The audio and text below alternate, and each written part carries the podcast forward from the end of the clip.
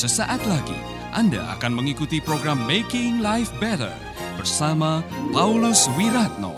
Selama 15 menit ke depan, Anda akan belajar membuat kehidupan lebih baik. Saudara-saudara, saya senang sekali hari ini bisa kembali hadir di ruang dengar saudara maupun yang sedang menyaksikan lewat Facebook page. Saya lebih dulu mau memberikan salam kepada para pendengar yang ada di Hotline FM Bali. Semua saudara-saudara yang ada di Hotline, berjumpa lagi dengan saya Paulus Wiratno dan kemarin saya berjumpa dengan seorang ibu yang dia selalu mendengarkan program Making Life Better. Dan waktu dia ketemu dengan saya, ibu ini kaget. Ternyata suaranya tidak seperti wajahnya.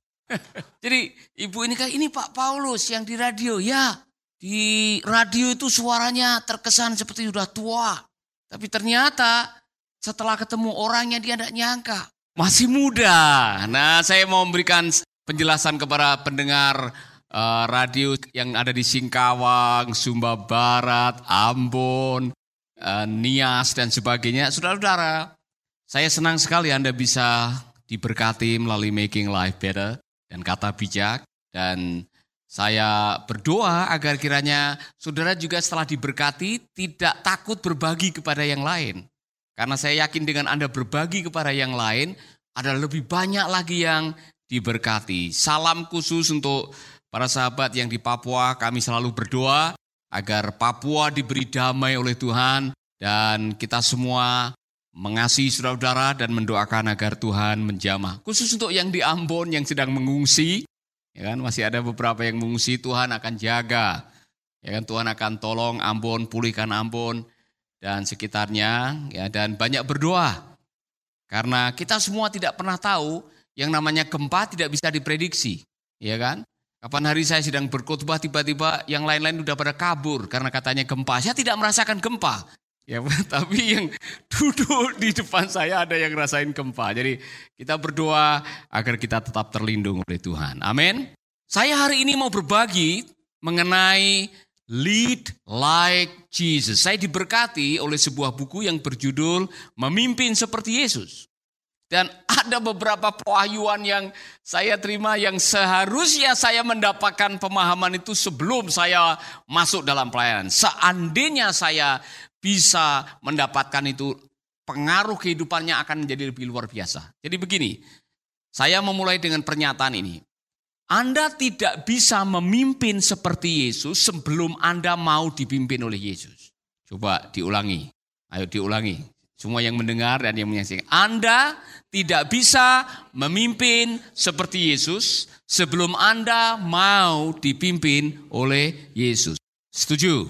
Amin. Kalau Anda ingin menjadi seorang pemimpin yang benar-benar efektif, berpengaruh, membawa perubahan, punya dampak yang baik seperti Yesus, maka Anda harus bisa dan harus bersedia dipimpin oleh Yesus. Nah, saya tertarik di dalam buku ini karena dijelaskan untuk menjadi seorang pemimpin seperti Yesus tidak mesti harus punya gelar doktor kepemimpinan.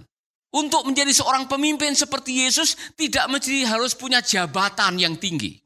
Untuk menjadi seorang pemimpin seperti Yesus, Anda tidak mesti harus memimpin sebuah organisasi yang besar. Tidak ada hubungannya dengan itu. Karena di dalam buku ini dibahas ada empat hal yang penting yang kita semua harus tahu. Kita semua harus punya. Dan apa yang saya ajarkan inline segaris dengan apa yang kita dengar minggu yang lalu sebetulnya.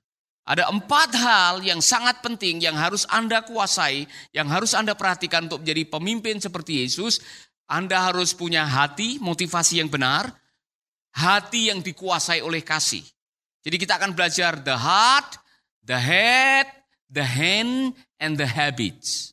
Empat hal ini sangat penting. Nanti saya akan menjelaskan, mungkin akan ada pelajaran berseri. Tetapi ini pelajaran yang luar biasa, yang saya pikir kalau kita bisa meneladani kepemimpinan Yesus, kita bisa menjalankannya, kita bisa mempraktekannya, kita juga bisa dipakai Tuhan dengan cara yang luar biasa. Amin. Nah sebelum kita masuk kepada bagian the heart, the head, the hand, and the habits. Ada dua pertanyaan yang menjadi landasan karena kepemimpinan adalah influence. Kepemimpinan adalah memberikan pengaruh. Saudara-saudara, untuk bisa memberikan pengaruh yang baik, pengaruh itu datangnya dari dalam. Maka di dalam buku itu dikatakan, sebelum Anda memimpin, sebelum Anda memiliki cita-cita apa pun juga, dua hal ini harus Anda jawab. Untuk menjadi pemimpin yang efektif, baik itu dalam organisasi, kegerejaan, dalam bisnis, dalam uh, organisasi kemasyarakatan, apa pun juga posisi yang Anda miliki pada saat ini. Untuk menjadi pemimpin yang efektif, Anda harus bisa menjawab, whose am I dan who am I. Kalau diterjemahkan dalam bahasa Indonesia adalah, siapakah aku ini dan aku ini milik siapa? Semua dimulai dari pertanyaan ini. Anda efektif atau tidak efektif, berhasil atau gagal, berpengaruh atau tidak berpengaruh dalam kepemimpinan, semua dimulai dari pertanyaan ini. Siapa saya dan saya ini milik siapa? Amin. Ada dua pertanyaan yang harus Anda jawab. Apa tadi? Siapa saya dan saya ini milik siapa? Dan jawabannya ada di dalam Efesus 2 ayat 10. Ketika Anda memiliki kesadaran yang jelas, gamblang, dan itu dihidupi setiap hari, Anda akan menjadi orang yang luar biasa. Efesus 2 ayat 10 mengatakan kita ini buatan Allah. Diciptakan dalam Kristus Yesus untuk melakukan perbuatan yang baik. Yang Allah sudah siapkan sebelumnya. Dan Allah mau kita hidup di dalamnya. Anda masih bersama Paulus Wiratno di Making Life Better.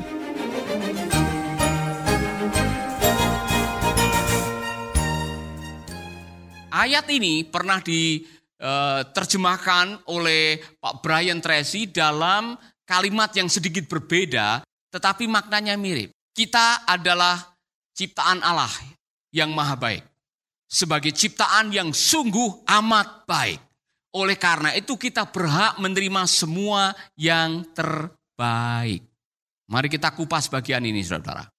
Kita ini buatan Allah. Kalau kita ini adalah buatan Allah, Mari kita sedikit menengok kembali dalam perjanjian lama. Mengapa Allah menciptakan kita? Mengapa Allah menciptakan kita? Apakah Allah perlu pertolongan saudara? Apakah Allah membutuhkan pujian saudara? Allah tidak perlu apa-apa. Apakah Allah membutuhkan uang persembahan saudara, makanya dia menciptakan saudara, supaya tiap bulan memberikan persepuluhan kepadanya? Tidak ada hubungannya dengan itu. Allah menciptakan saudara bukan karena Allah membutuhkan saudara. Allah menciptakan saudara karena Allah menginginkan. Marilah kita menciptakan manusia menurut gambar dan teladan. Marilah kita menciptakan. Mengapa Allah menciptakan? Ada hubungannya dengan karakter Allah. God is love. Allah itu kasih dan kasih itu perlu objek.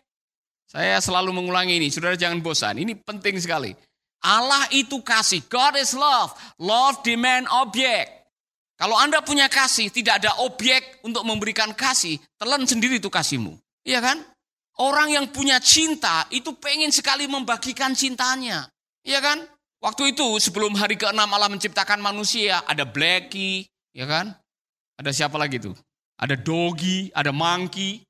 Tapi ciptaan-ciptaan ini tidak bisa menerima apa yang menjadi kasih ilahi karena lain. Maka diciptakanlah yang namanya manusia pada hari yang keenam yang memiliki DNA ilahi supaya bisa menerima kasih ilahi. Jadi Anda diciptakan bukan karena diperlukan, tapi karena diinginkan. Sekali lagi saya mengatakan, kalau saudara suruh memilih, diinginkan dengan dibutuhkan mana yang saudara pilih. Jadi you are wanted, not needed. Mengapa Allah menginginkan kita? Allah ingin berbagi kasih. Nah, oleh karena Allah adalah kasih dan kasih membutuhkan objek, maka sekarang kita ini menjadi objek kasih Allah. Maka Allah menempatkan manusia pertama bukan di Hotel Hyatt atau Hilton. Di sebuah spot yang namanya Eden, di mana hadirat Allah ada di situ sehingga manusia dan Allah bisa bergaul sehingga kasih itu bisa tersampaikan.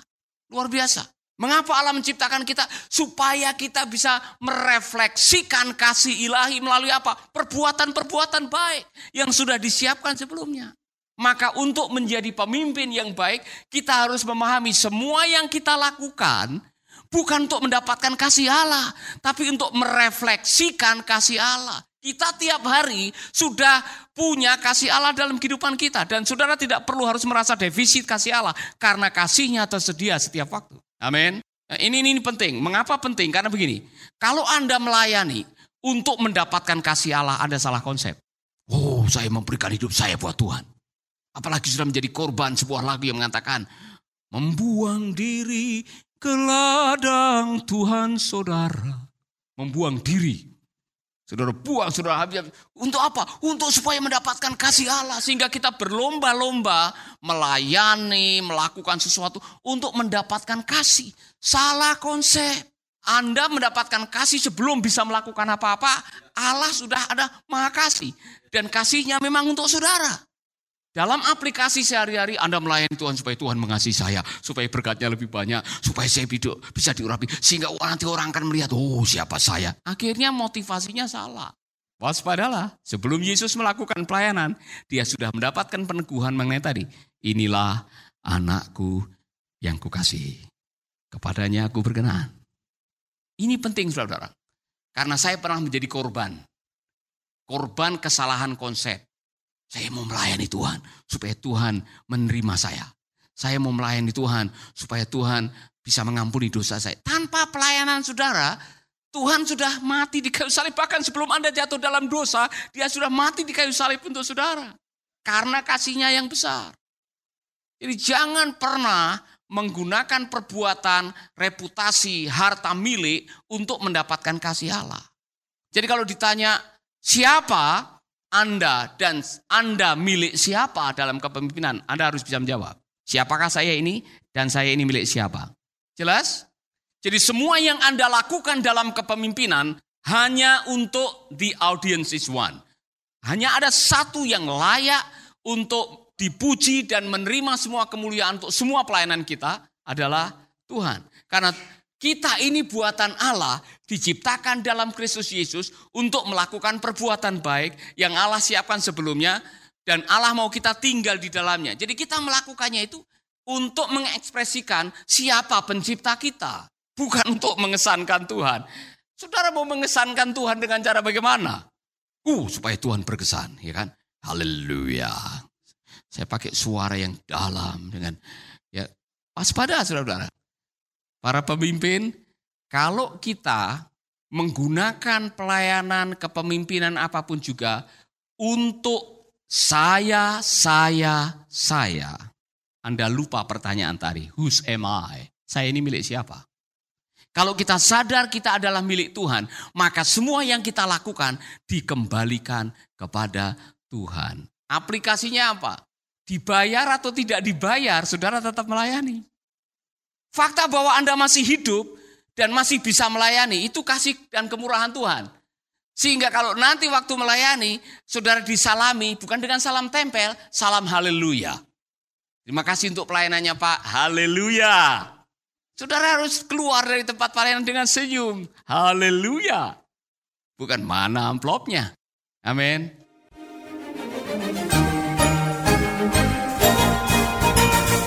Baru saja Anda mendengarkan Making Life Better bersama Paulus Wiratno. Jika Anda diberkati, kirimkan kesaksian Anda ke Radio Dian Mandiri Jalan Intan LC2 Gang 4 Nomor 1 Denpasar, Bali. Kunjungi website kami di www.pauluswiratno.org, Facebook Paulus Wiratno. Hubungi kami di 081 338 665500 Sekali lagi 081 338 665500. Terima kasih, Tuhan memberkati.